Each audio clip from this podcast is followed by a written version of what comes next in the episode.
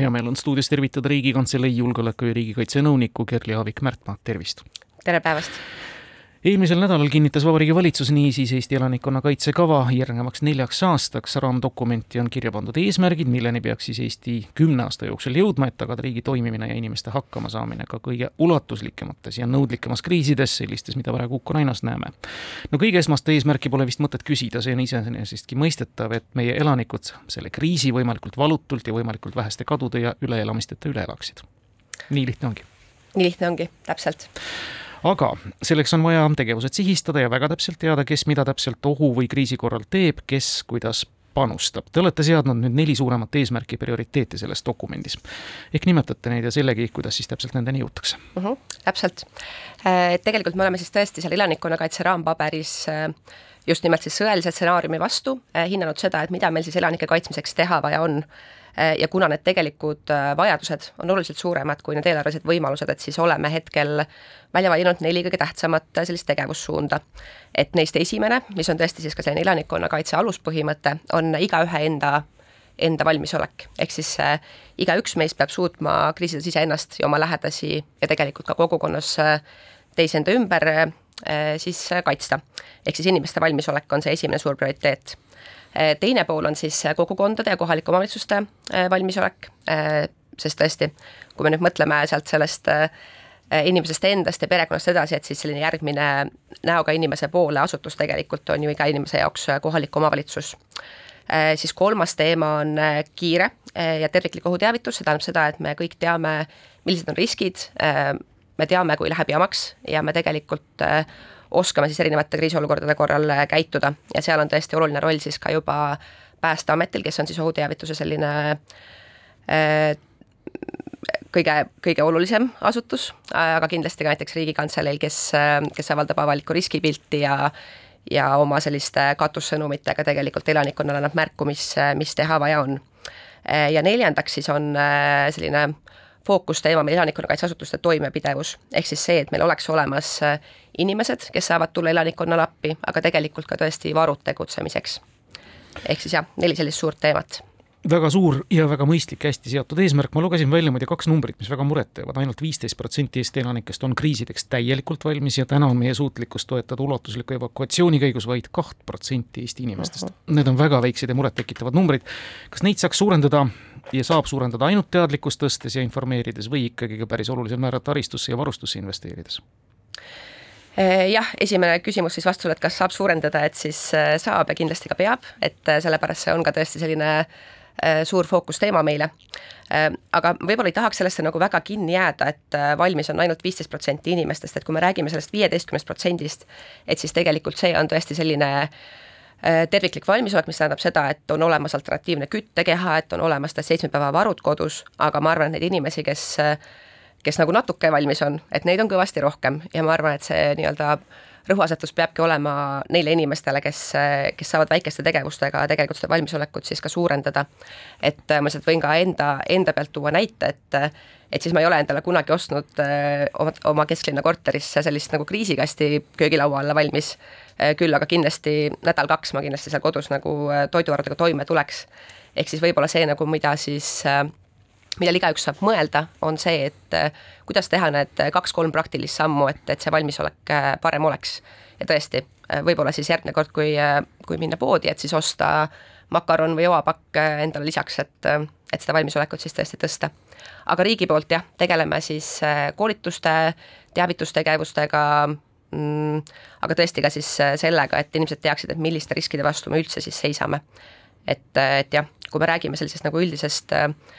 üldisest äh, hetkel domineerivast sõjaärevusest, et siis äh, parim kaitse sellise ärevuse vastu on ju toimiv plaan. ehk siis see, et me teame, et kui jamaks läheb, et mida me tegema hakkame järgmine aasta, mida ka puudutasite, kohalikud omavalitsused, no väga murettekitav oli see, et üleüldse kohalikest omavalitsustest vaid viiskümmend viis protsenti oli nõus avaldama andmeid, kus maale nad üldse jõudnud on, ega sealt ka see pilt väga hea nüüd välja ei paistnud ja ainult üheksa protsenti kõigist kohalikest omavalitsustest on nii-öelda ka sajaprotsendiliselt valmis, teavad täpselt, kuhu kodanikke evakueerida, millist abi pakkuda ja kuidas sellega nüüd on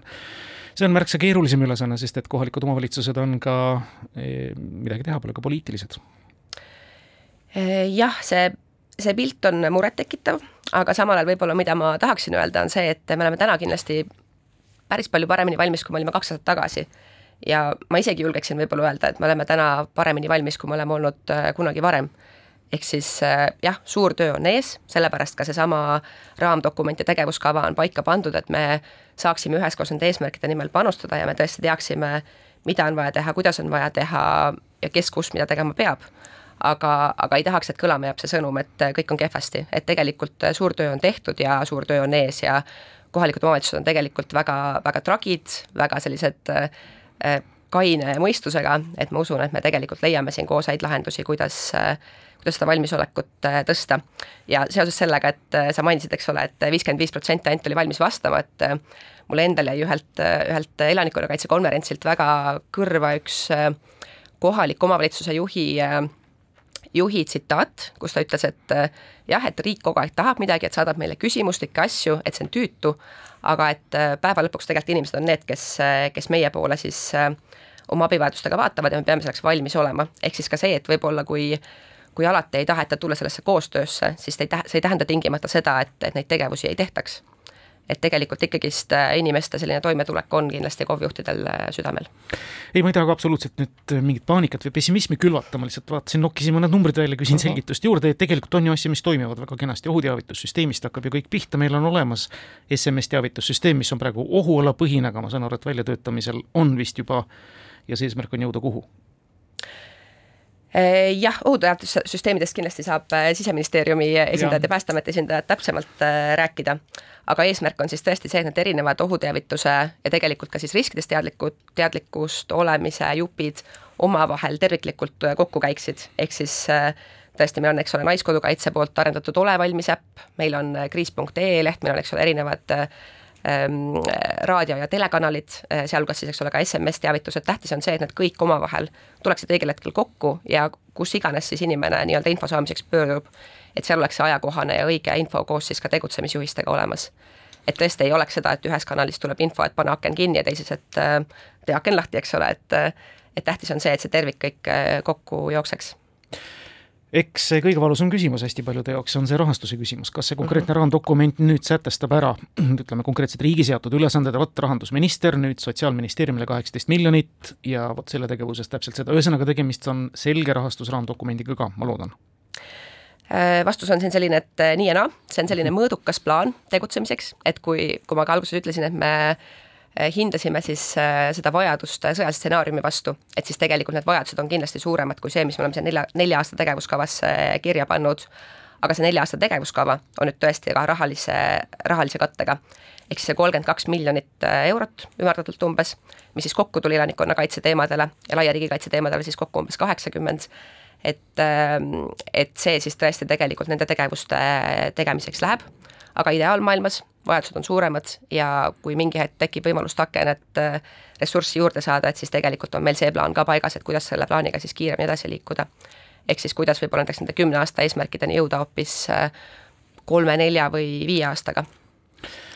ma pean ikka küsima ära, kas te olete absoluutselt veendunud, et te olete absoluutselt kõik Eestit ähvardada võivad ohud nii-öelda ära kaardistatud või olete väikese nii-öelda viis protsenti jätnud ka täiesti ootamatutele ohtudele, ma ei ütle tulnukatele või reptiilidele asfaldipragude seest?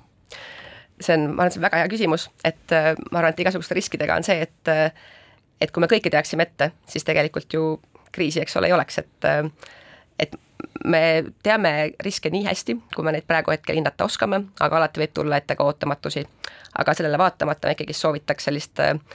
Riigikantselei kodulehel üleval olevat äh, avalikku riskipilti lugeda, tutvuda, mis seal kirjas on ja tegelikult äh, meie siin riigiasutuste poolt kogu aeg hoiame pilgu peal, et mis toimub ja mis on need erinevate riskude, riskide esinemise ikkagist tõenäosused et äh, tõesti tahaks, tahaks ka seda rõhutada, et, et me sõja kõrval räägiksime ka muust, et mhm. tegelikult mm -hmm. ju kõige tõenäolisemad riskid hetkel on ulatuslik elektrikatkestus ja hoopis näiteks äh, mõni uus Covidi laadne pandeemia. ja ka loodusõnnetused. Äh, ja ka loodusõnnetused, just. et, ähm, et mõtleme laiemalt, aga see meie selline moto on see, et kui me valmistume kõige tõsisemaks stsenaariumiks, mis on siis, eks ole, sõda, et siis me oleme valmis ka selleks kõigeks muuks suur tänu teile stuudiosse tulemast, seda dokumenti lahti seletamast, Kerli Avik-Märtmaa, Riigikantselei julgeoleku ja riigikaitse nõunik, edu, jõudu plaani elluviimisel! aitäh, tarvis!